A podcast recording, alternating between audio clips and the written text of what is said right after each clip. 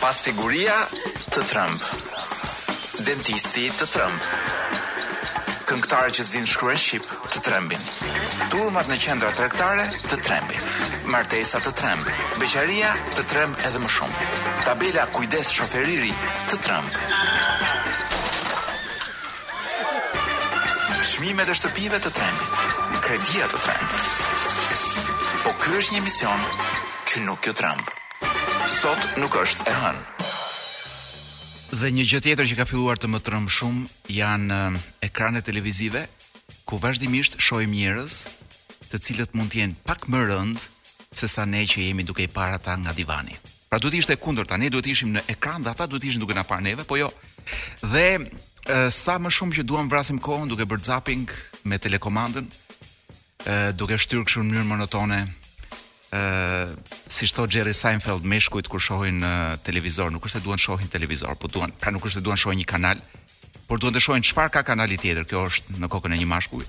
Dhe për t'u kthyer te këto ekranet tona, ë duke bërë zapping, alla Jerry Seinfeld, Ëm um, dëgjoj një një bisedë në studio, tmerrësisht intelektuale, e thellë, gati më hapi pak ballin këtu te cepi, ku e ftuara po tregonte për fëmijën e vet, se si fëmija i vet, me gjasë ishte vajzë, donte të ishte e para.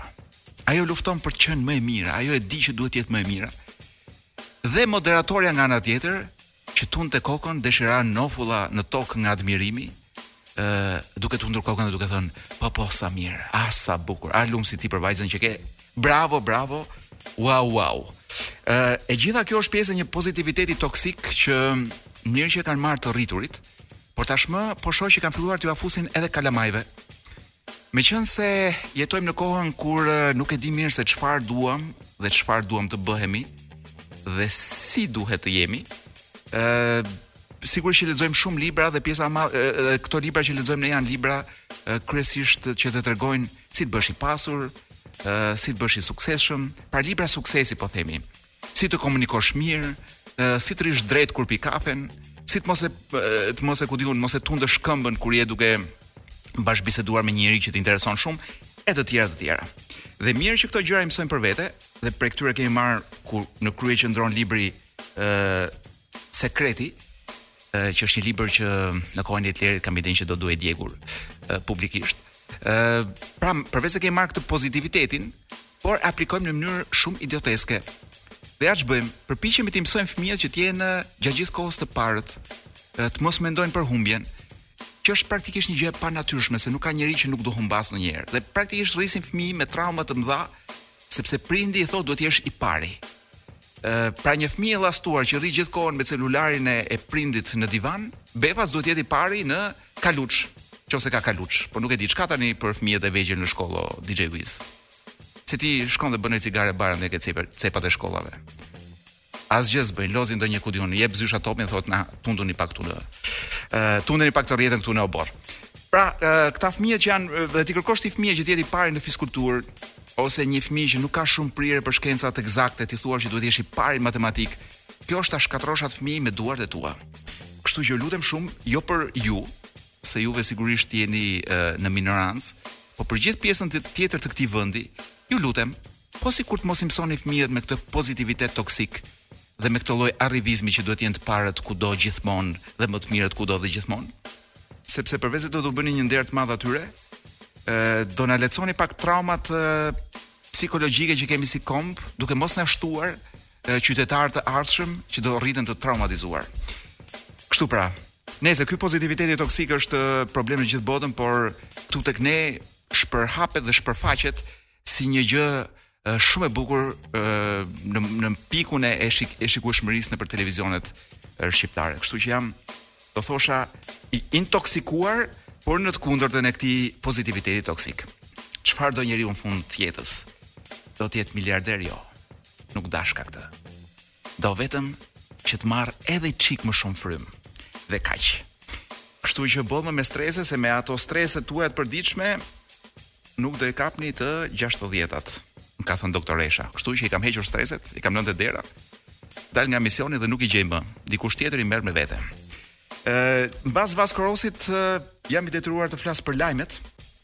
Domethënë për lajme për ngjarjet që kanë ndodhur javën e kaluar, edhe pse nuk do doja në fakt, sepse kam kuptuar që ne mezi presim të ikë një javë dhe ta harrojmë, ta fshim nga memoria. Dhe ja ku vij unë sot që nuk e shtuna për të folur për lajmet, po meqense e kemi si e, si pjesë të strukturës, po e kalojmë shpejt e shpejt një pasqyrë të lajmeve të javës së kaluar. Pasqyra është e varfër shumë sepse është kryesisht me budallëqe politike, Ja për shembull Rama paska dalë dhe paska dhe paska thënë që mund të vijë momenti që pa vaksinim të ndaloheni për të shkuar në punë. Dhe të mendosh që është një shtet i cili nuk ndalon dot të vidhen pusetat. Është një shtet i cili nuk ndalon dot që njerëzit të hipin në autobus me maskë. Ë dhe ky shtet pretendon që të ndalojë njerëzit për të shkuar në punë. Pastaj sikur donim ne të shkonim në punë, do rrim në kafe dhe do punojmë nga kafja.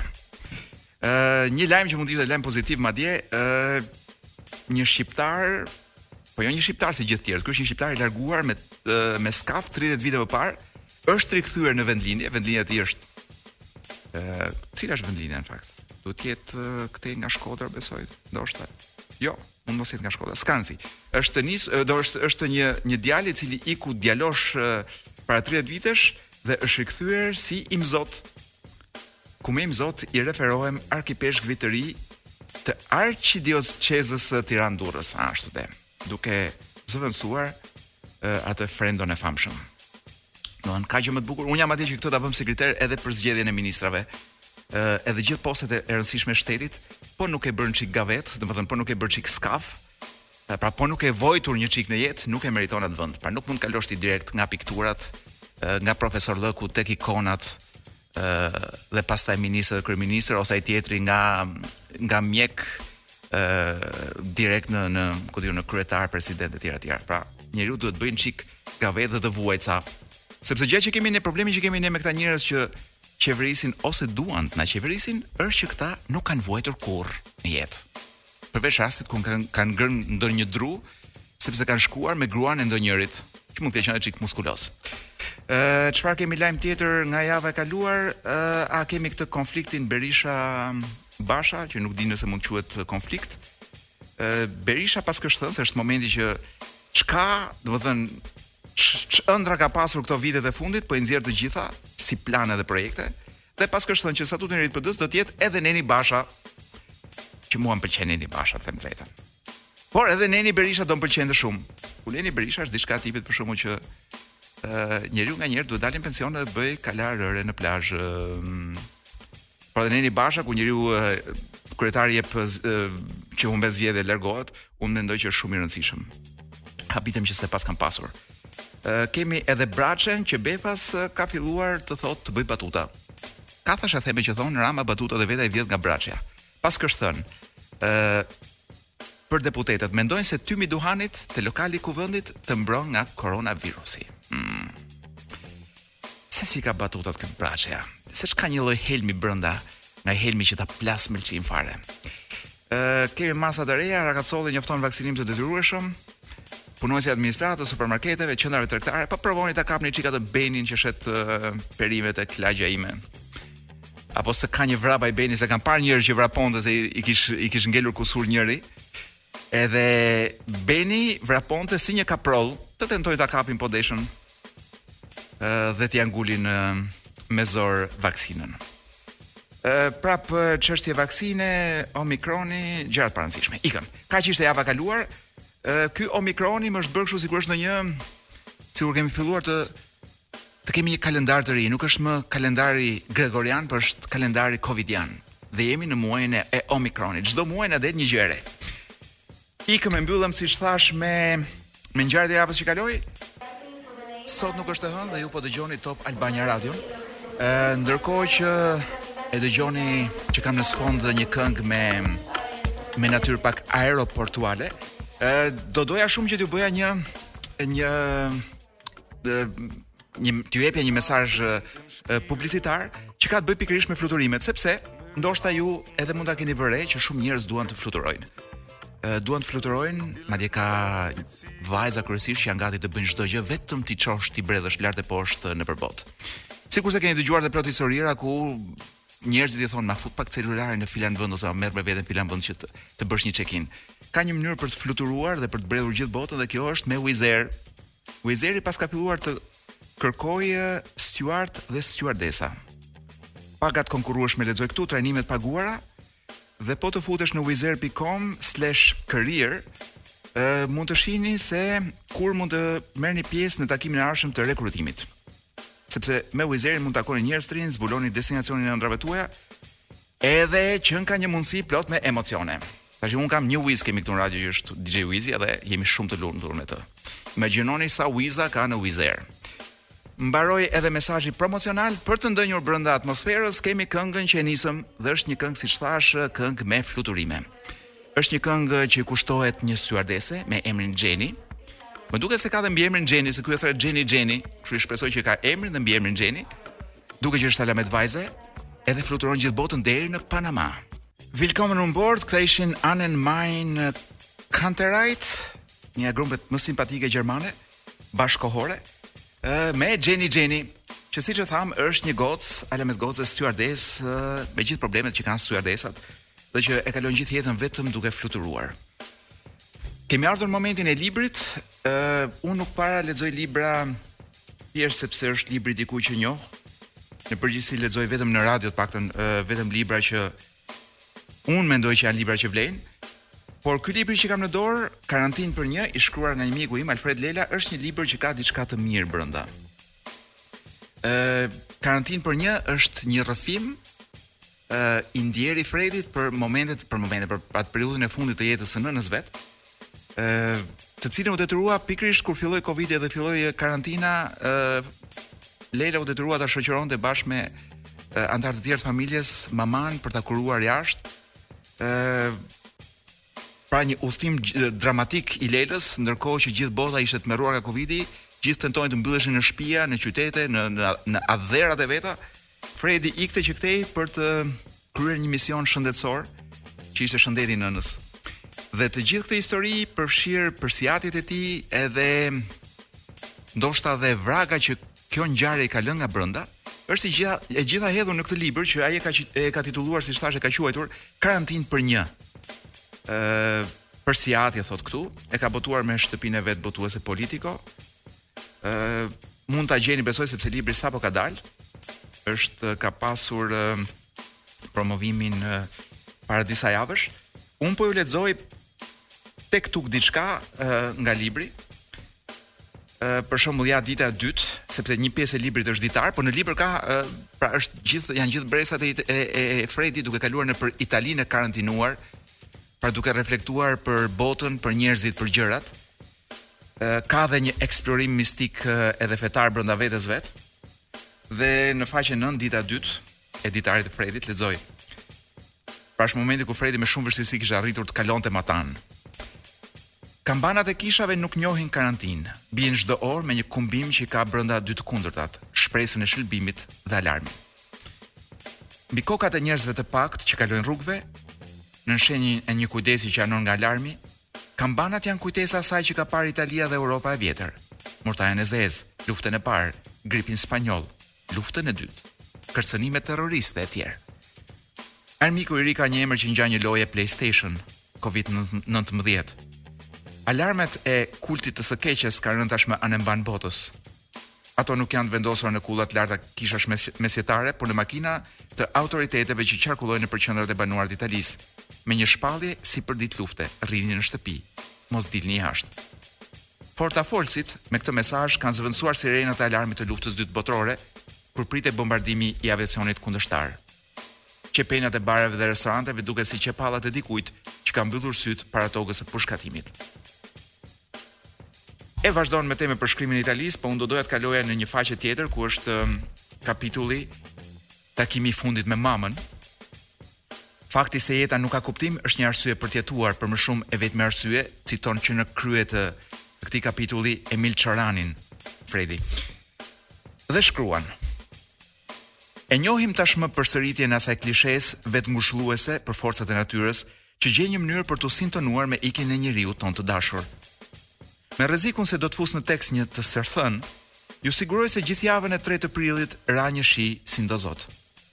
I pareshtur si rrotullimi i tokës, me një vendosmëri qiellore, me kuisje çat, çatish si dhe strehësh, si një strehë vorfnore qensh të braktisur. Ky ishte shiu i atij mesprilli, por nuk ishte kjo krusma ime. Mes gjithë kësaj tramundane rrugtonte e vetme, e shkuar, e heshtme si një qiri, me trupin në qivur, por shpirti një zot e di se në ç'rehat përmidisit, mama. Në gjithë këtë zi duhej lexuar edhe një fashë drite. Fakti se në zemër të pandemisë një trup mund të lëviste i lirë, mespërmes qyteteve, porteve, kontrolleve, Ndërkohë që miliona shpirtra tulateshin atë grevë të përgjithshme të vendosur prej pandemisë. E kishim shoshitur familjarisht edhe skenarin tjetër varrosje në tokë italiane. Çka do të thoshte një zhvarrosje dhe rivarrim më vonë? Çka do të thoshte një riciklim i dhimbjes, zisë dhe trishtimit? Por dhimbjet me sa duket nuk vijnë për të na rrëzuar, por për të na hedhur në gojë të lëkundjeve. Të papërgatitur si para një tërmeti, Ti nuk mund të kërkosh për daljen sepse dalje nuk ka. Madje, dalja mund të jetë më e rrezikshme sepse zia e lexon këtë si guxim më të madh se leja që ajo mund të mund të të japë. Vdekja nuk fal thonë, por edhe ajo tregohet empatike me të rrëmbyerit e saj. Si mundet që kjo grua, ky trup, ndër mijëra trupa të marrë nga vdekja, ata muaj pandemik, Një korp që shëtiti nga spitali në spital nga vizita në vizitë, nuk u infektua. Nuk u kurorëzua me një vdekje atomike, me një dënim pas vdekje më saktë. Rrëfimet e të, e të afërmve të atyre që kishin ndërruar jetë pas infektimit me COVID-19 merrnin trajtën e një legjende urbane dhe shëtisin si të tilla nga goja në gojë e nëpër mijëra veshë. Se si trupat kovidianë nuk jepeshin, por varroseshin në varre të përbashkëta ose kremoheshin, pra digjeshin, për të shmangur mundësinë e shpërhapjes së infeksionit. Ose nuk ka fare skena të tilla, se ato nuk janë gjë tjetër veç trajektore ngushëllimi, shpikur për të stisur një ngushëllim të ri, për të zvogëluar humbjen, për të fqinjuar me vdekjen, pa u ndeshur me të drejtpërdrejt. Mama po udhëton megjithatë. më të mbramin e rrugëtimeve të saj, nga Milano për në Bari dhe prej portit atyshëm në një anije mallrash drejt Durrësit. Të gjallët nuk udhëtojnë më, ky është një privilegj vetëm i të vdekurve tashmë. Po ndërpres sepse U mbusha dhe unë me këtë rrëfimin e Lelës, si me thënë jam plot, dhe është një shprehje së thënë tashmë si puna e verës që sa më të vjetër, aq më të mirë. Kjo është një këngë e fundit në fakt e Billy Idol, Bitter Taste. Edhe kjo këngë del këtë vit, në mos gabohem. Ju po e dëgjoni ndoshta për herë të parë në Top Albania Radio. Meqense kam dyshimin që gjëja më e rëndësishme që po ndodh në gjithë radiot është kjo kënga e Fifit. dhe nuk po ndoshesh kënga e Fifit, po që nga një këngë kështu me një që prekka edhe zemrat e ftohta të politikës. Domethënë kalamajt që menaxhojnë ë socialet e kryeministrit kanë vendosur ta ripostojnë, dëgjova. Mm. Ngjarja në fakt më interesante do thoja unë e javës që kaloi është debati në lidhje me leximin e dramës Prefekti. Është një dramë e vjetër, e shkruar në kohën e Xhaxhit. Ë një dramë e cila në atë kohë ka qenë plot me propagandë, ka qenë gjithashtu ë me një targetim të caktuar politik. Ë ndaj ish prefektit të Tiranës, Qazim Mulletit, e cila është rimarrë nga ArTurbina, të cilën ngulmojnë ta quajnë teatër kombëtar. Ë uh, nuk e di se pse. Ë uh, dhe e kanë marrë, kanë lexuar uh, madje edhe publikisht në Facebook. Ë uh, dhe ka plasur një konflikt uh, në rrjetet sociale, por edhe më gjerë ndërmjet njer ndërmjet njerëzve që janë prekur ndër ta edhe familjarë të familjes uh, të trashëgimtarëve të Qazim Mulletit. dhe nga ana tjetër aktorëve e ku di unë se çfarë. Tani çështja është kush ka të drejtë. Familjarët thonë po na e don mirë komunizmi që e denigroi figurën e Qazim Mulletit, që nuk është siç paraqitet në këtë vepër, të Besim të shkruar nga Besim Levonja, por ka qenë një një figurë ë madje shumë e ditur, Aspak injorante, ka qenë shumë i shkolluar, madje paskësh qenë edhe, po lexoj këtu nga CV-ja e fshirë nga memoria e Mulletit, paskësh qenë edhe prefekt i Dibrës, i Kavajës në kohë të Nolit.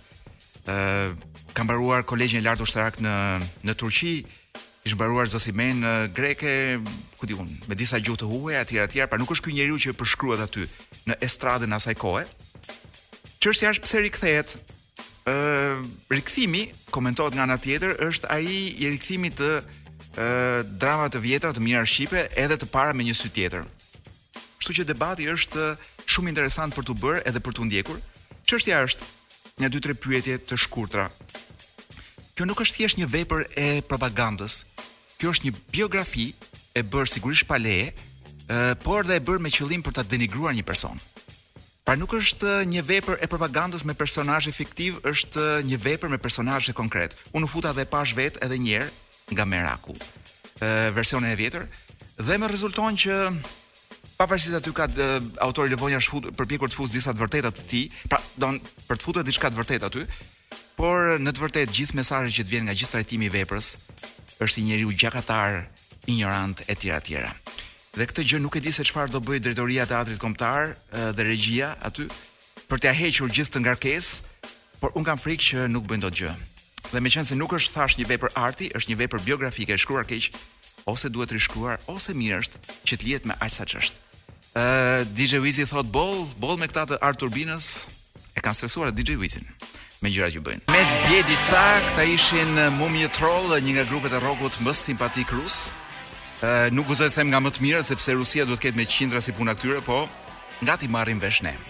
Nga t'i marrim vesh ne, sepse uh, që kur akuzuan uh, uh, Lul Bashën për komplote ruse, uh, nuk guxojmë as të shfletojmë ndonjë website rus, sepse mund të futemi të gjithë në rreth të kuq. Sepse kam kam dëgjuar që amerikanët këdo që flet rusisht e kanë te kjo lista e tyre e zezë. Çfarë kemi tani? Kemi një moment muzikor shumë të rëndësishëm. Ë uh, gjë që po na ndodh është edhe me këto uh, aplikacionet e muzikës. Unë nuk përdor Spotify, po Spotify është sigurisht numri 1 për momentin për të për të dëgjuar muzikë. Dhe për fat mirë pa qenë nevoja për ta shkarkuar dhe për ta mbajtur nëpër celular apo nëpër kompjutera. Por gjëja që ndodh është që paska metoda, dhe që unë i marr vesh i fundit në këtë botë, me të cilat mund të marrësh një këngë edhe ta të pra ka strategji dhe metoda që ta marrësh atë këngën dhe ta bësh shumë të famshme, ta bësh sikur është dëgjuar miliona, miliarda herë. Dhe këto shpikje i bëkan koreanët, këta fansat e këtyre K-popsave, Ëh, pra gjithë këtyre grupeve të popit korean që më duken gjithë njëlloj, ëh, por kjo është sigurisht par paragjykim racist nga ana ime, po më duken njëlloj edhe në muzikë dhe ky nuk është fare paragjykim racist. Është një farë paragjykim muzikor. Dhe paskan metoda siç thashë me cilën ndërtoj një playlist këngësh me 10 këngë ku Pesë herë fusin këtë këngën e tyre dhe ca këngë të tjera dhe e luajnë e vendosin që të luhet në infinit. Pra vënë e vendosin që të luhet një vit rresht. Po imagjinoni në qoftë se kjo këngë luhet brenda gjysmë ore pesë herë dhe për një vit rresht dhe imagjinoni kur kjo bëhet nga 10000 koreanë bashkë. Çfarë ndodh me atë këngë dhe si katapultohet ajo në majat e e e klikimeve në Spotify, pra dëgjueshmërisë në Spotify. Kjo për sa i përket masakrës muzikore që bëjnë për veshët tuaj, unë nuk jam në Spotify, kam një gjë tjetër për të dëgjuar muzikë, ku për fat mirë nuk ka akoma një algoritëm për të na manipuluar dhe quhet Deezer. Kënga për cilën do t'ju flas tani është një këngë e vjetër, është e një prej grupeve më simpatike të rockut të viteve 80, The Queen, Kënga është nuk është aspak mainstream, të paktën nuk është nga ato këngë që në Shqipëri është luajtur shumë, po mua çuditërisht më pëlqen sepse dikur kam qenë fans në kohën kur nuk ishte nuk ishte Marvel Universe, ë kishte ama disa seriale të tjera siç ishin edhe Highlander. Dhe mua më pëlqente seriali kryesisht prej kolonës muzikore dhe njëri prej serialeve të Highlanderit ka pasur krejt kolonën uh, muzikore uh, të përbërë nga këngë të Queen, dhe ata bënë dhe një album me këtë. Uh, albumi titullohet Princes of the Universe edhe kënga vetë quhet Princes of the Universe. Është një këngë jo si gjithë të tjerat. E parë një ka një këngë muzik, pra ka, ka videon muzikore, ka uh, një mix ndërmjet të kënduarit të Freddie Mercuryt, me me pjesët e filmit, dhe është një betejë me shpata. Uh, por është uh, Një këngë ku Freddie Mercury shpalos gjithë gjerësinë e e kapacitetit të vet. Është një këngë që flet për gjërat epike, po ne nuk flasim dot për gjëra epike se në këtë vend fjala epike ka humbur krejtësisht vlerën. Tashmë quhet epike edhe edhe një batutë fare e rëndomtë në rrjetet sociale, E dëgjuat përgjigjen. I tha filani sa vjeç je. Ja si përgjigjet në mënyrë epike modelja. Pra gjëra të tilla e kanë zhvlerësuar fjalën epike, ky përdorim abuziv. Ë, megjithatë këngë, kënga nuk është një nga këngët më të famshme, mezi ka arritur të renditet. Për mua është një këngë shumë e mirë sepse siç thashë ka një diapazon dhe ka një emocion të brendshëm që më çon pak ku di unë nëpër maja malesh. më çon pak në Theth, po jo në Thethin e verës që njini ju, më çon në Thethin e dimrit, me borë, ë, ndoshta edhe burra me qelesha, imagjino edhe me pisqolla në brez. Edge Bird of DJ Wiz. Princess of the Universe, një nga këngët më të rënda, do, më hard, do thoja unë të The Queen, e shkruar nga Freddie Mercury, komplet opera, burri i botës, ë, po themi një, domethënë është një gjë e shkruar para, ku di unë, 30-40 vitesh, edhe duket sikur është shkruar tani, domethënë është kaq bashkëkohore si rok saqë nuk mund të jap pa e ndarë me ju. Edhe me këtë rast largojmë gjithë ata njerëz që nuk e duan rokun nga radio sepse ë uh, nuk mund të duash këtë emision dhe këtë ditë që nuk është e hënë në qoftë se nuk e do pak rokun, që t'ju them të drejtën. Dhe tani do kalojmë tek pjesa që i pëlqen shumë DJ Wizit. Pjesa që ka të bëjë me Pra, kemi hyrë tek ora seksuale. Që nuk është tamam tamam orë seksuale, por më tepër është orë okulistike. DJ Wizi është eh, nga ai brez rinor, i cili nuk ka qenë kurrë te okulisti. Pra nuk ka nuk ka pasur kurrë nevojë në jetën e vet që të kontrollojë sytë. ë as ka menduar ndonjëherë që mund të ketë nevojë për syze. madje edhe në fantazitë e tij erotike njerëzit në përgjithësi janë pa syze.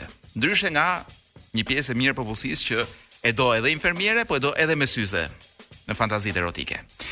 Ë, ama sytë DJ Wiz, se me ty e kam gjithë këtë bisedë, ë shpesh paskan ca probleme, domethënë na fusin ne në ca komplikime që mirë është mos futemi.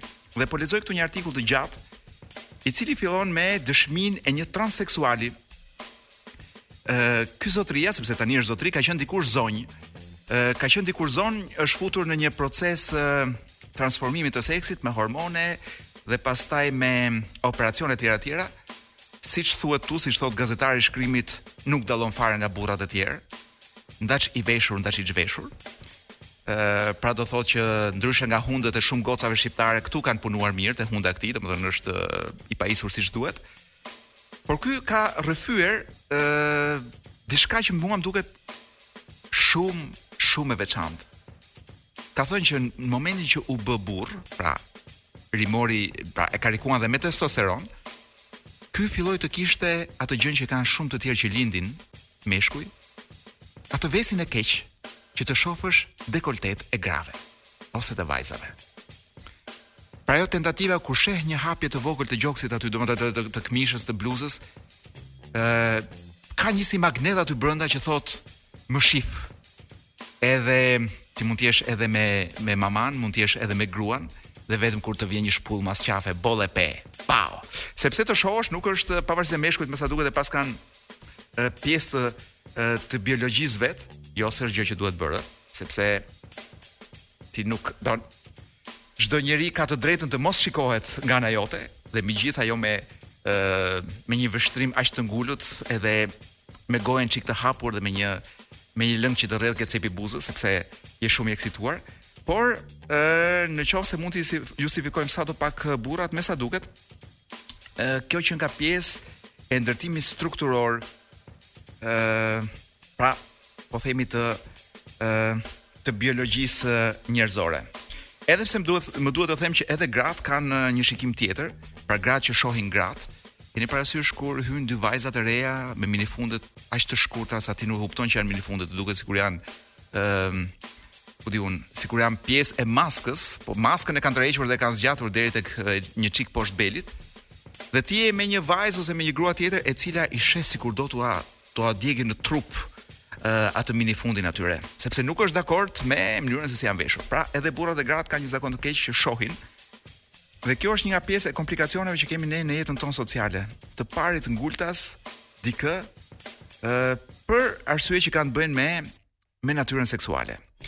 Por një fenomen tjetër që është gati gati seksual dhe që është një modë jo dhe aq e re, ka të paktën 15 vjet në qarkullim, është moda për të parë njerëzit që han. Unë fakt nuk para kam qejf të shoh njerëzit që han sepse në përgjithësi kudo që jam njerëzit që han han gjëra që nuk para shkojnë me shijen time. Por u habita duke parë që ka dhjetra milion njerëz të angazhuar në këtë trend. Madje, ë, sidomos këto janë versione aziatike, ka njerëz të cilët jetojnë me reklamat që marrin vetëm duke postuar video të vetes së tyre duke ngrënë. Dhe me sa kuptoj unë është gjithë qejfi që ta bësh planin sa më afër gojës dhe të shohësh të tjerë të shohin ty duke ngrënë. Unë nuk arrij ta kuptoj këtë lloj qejfi, po qenka me sa duket edhe kjo e bazuar në biologjinë tonë. ë uh, sepse ngaqë në kohët e shkuara ushqimi ka qenë gjithmonë në pakicë. Edhe tashmë kur shohim dikë që ha, na vjen kështu instinktivisht ta shohim edhe të na hahet edhe neve. Kjo nuk do thotë që kur të shihni një grua që ha banane, juve t'ja ngulni sytë. Pra, kujdes me të parin. Dhe gjëja problemi i tretë që kemi ne me të me këtë po themi joshjen dhe magnetizmin që kanë sytë tanë në mënyrë të pakontrolluar nga ne. Është jo vetëm për të parë dekoltet, jo vetëm për të parë njerëz që han, por dhe këtë gjë ju e dini shumë mirë, është për të parë dhe për të kontrolluar sa like-e keni marrë në rrjetet sociale apo sa zemra. po lexoj që paska një studim që thotë që gjëja që ndodh trurit tuaj është që merr një do, një dozë dopamine kur është nisur për të parë. Por shumicën e rasteve, kjo dozë i bie shumë poshtë. Pra ju sa më shumë kontrolloni celularin, aq më shumë gjendja juaj emocionale bie. Po këtu nuk do zgjatem më shumë sepse ju keni dëgjuar kaq shumë gjëra pse nuk duhet parë celulari dhe prapë e shihni.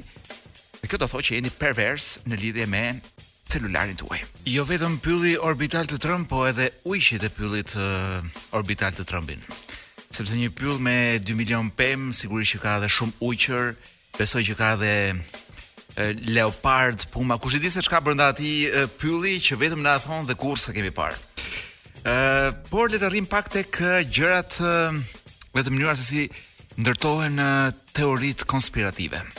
Po lexoja një census Italisë, Dhe fakti që po flasim për censusin e Italisë është që në Shqipëri nuk kemi të tillë uh, census dhe mbi të gjitha nuk kemi të dhëna të besueshme nga ky vend.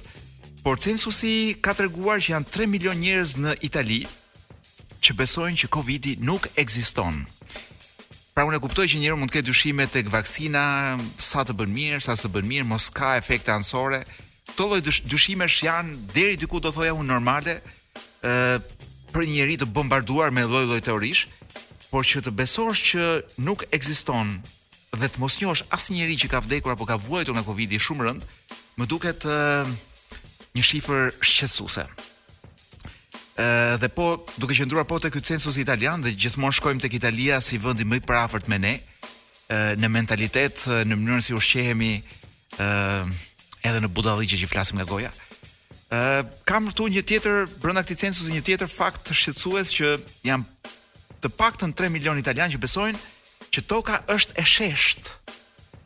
Domethënë këta njerëz mendojnë që ti në qoftë se ecën e ecën e ecën me biçikletë në një drejtim, pastaj do biesh në greminë dhe do biesh ku di unë në Jupiter, sepse nuk ka asnjë shans që ti të vish rrotull me biçikletë kësaj bote. dhe shifra prej 3 milionësh është gjithashtu një shifër shumë shqetësuese. Gjëja interesante në fakt për t'u folur këtu është që shumica e këtyre teorive konspirative vijnë nga shumë pak burime. Janë gjurmuar dhe është kuptuar që e, teoritë konspirative mbi Covidin vijnë gjithsej nga 10-15 burime.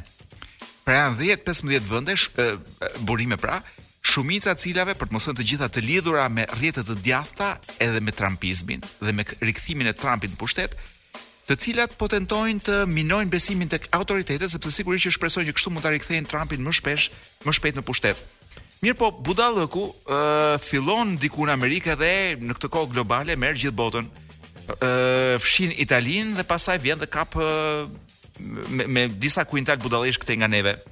Kjo puna tokës së sheshtë, Dhe janë të njëjtët që nuk që besojnë që Covidi nuk ekziston dhe që besojnë që toka është gjithashtu e sheshtë. Pra, në kohën kur kanë në dorë një celular, i cili punon edhe me satelit, ë pra në kohën që kanë Wi-Fi dhe kanë teknologjinë në dispozicionin e tyre të pamenduar më parë, Këta dyshojnë në gjënë që është gjëja më bazike e zhvillimit të shkencës që është fizika dhe që toka është e rrumbullakët. Pra dyshojnë këtë gjë, nuk dyshojnë te celulari i tyre dhe kush e ka prodhuar dhe çfarë ka brenda. Jo, dyshojnë që toka është e rrumbullakët. Ë, ç'të them? Ama kemi e, edhe nja 20 milionë italianë që nuk besojnë më që ja vlen të diplomohesh, të bësh master dhe specializime dhe ky është një lajm i mirë për gjithë ju që mund t'ja mësyni Italisë dhe t'zini vendet e lëna bosh nga italianët. Shumë bukur. Madje sikur bënim ca shkëmbim të thrisnim ca këta 3 milionë italianë të ta bënim Shqipërinë një flat earth zone, pra një zonë të të, të, të këtyre që mendojnë që toka është e sheshtë, unë besoj që i do i bënim nder Italisë, por edhe Shqipërisë, sepse këta gjithë bashkë me siguri do bëjnë një mrekulli në këtë vend. Stranger in Moscow, ky ishte Michael Jackson, ë uh, me një zë, njeriu që i ka dhënë formë një pjese të mirë të muzikës pop në vitet uh, tetëdhjetë edhe madje deri nga mesi i viteve nëntëdhjetë. Ndërkohë që ju s'e keni pyetur kurrë veten se ku janë zhdukur piratët somalez. As unë s'e kisha pyetur kurrë veten derisa u hasa me një material informativ, ë i cili më tregoi një të vërtetë shumë të hidhur që piratët somalez fituan në fakt mbi gjithë botën, madje u bë edhe një koalicion i 20 e ca vendeve, të cilat u përpoqën me gjitha format, u angazhua madje edhe CIA për të zhdukur piratët somalez dhe nuk ja dolën dot. Por zgjidhja erdhi andej nga nuk e prisnim nga privatët. Domethënë, ndërkohë që këta kishin marrë me dhjetra Për shembull, një herë kapën, më kujtohet që kapën një anije ukrainase e cila kishte brenda nja 100 tanke, pra ishte nga këto transportuesit e mëdhej. ë thonë që kanë kapur këta kapnin ose bënin me me këto gjobat që i vinin anijeve që kapnin bënin me dhjetra milion euro në vit, pra një biznes shumë i madh. për të mos thënë me qindra milionë euro në vit, derisa uh, një biznes që zgjati për 15 vjet, derisa u acarua një sheik nga Abu Dhabi të cilit i iku zari se i kapën një i kapën një anije ku brenda se ç'kishte ku di unë nga këto. Me siguri ka pasur nga ato gocat e haremit të vet, dyshoj unë. Ë dhe ky Abu Dhabi vendosi që të bënte i vetëm atë që nuk bënë dot 20 aleanca 21 vendeve kundër piratëve të Somalisë. Ëm um, ky thjesht bëri një ushtri, ë bëri një ushtri private me 1000 ushtarë shumë të përgatitur, të cilëve u vuri aeroplanë, helikopterë, varka, ë po themi ndoshta e, e skuadra më e fortë luftarake në botë që nuk e keni parë në asnjë nga këto filmat aksion, Madje as në Rambot e famshëm nuk ishte kështu lloj komandosh, të cilët pra kjo njëmijëshe e famshme iu fut dhe për dy vjet i zhduku të gjithë piratët somalezë. Kështu që janë ujëra të qeta falë këtij princit nga Abu Dhabi, që siç thashë bëri i vetëm dhe me paratë e tij, atë që aleanca e shumë vendeve të UN-it nuk arriti të bënte dot. Dhe imagjino ç'aleancë me vende si, ku di unë, Franca, Britania, Shtetet e Bashkuara të Amerikës etj etj. Po këta donin të vepronin në mënyrë, po thesh, po themi zyrtare edhe gati njerëzore në strategjitë e tyre. Edhe iu fut kjo ushtria e sheikut në një mënyrë aspak njerëzore, Nuk dihet se se ç'kanë bërë vërtet, thuhet që është një njollë e errët në mënyrën se si janë trajtuar piratët, por fakti është që piratët e Somalisë u zhdukën nga faqja e dheut. Kështu që kjo mund të ishte një strategji për ta përdorur edhe në hallet që kanë vendet e vogla si Shqipëria. Too late, too late to say goodbye, nuk është vonë për të thënë uh, mirudëgjofshim. Kur po vija në studio dhe më duhet të flas shpejt sepse DJ Wiz më ka dhënë vetëm 40 sekonda kohë dhe ndoshta 50 sekonda kohë me mik. Kur po vija në studio një polic i acaruar në kulm nga trafiku i Tiranës së orës 6, që nuk është trafik, janë vetëm makina që rrinë të bllokuara, i bërtiste njërit, o ufo, o ufo, hap krahun djathas, o ufo. Erdhi koha që ta mbyllim edhe për sot, edhe për sonte sot nuk është e hënë, dhe unë do kthehem mes ufove në trafik. Ë Florenc Zerellari më ka ndihmuar me materialet, Klisela Buzo na përgatit socialet për këtë emision. dhe në regji kishim DJ Wizin. Largohem duke ju lënë me Guns N' Roses, një këngë e nxjerrë para dy muajsh, single, kur i thonë Hard School. E mbyllim sot dhe rihapim javën e ardhshme me Hard School dhe Guns N' Roses në Top Albania Radio.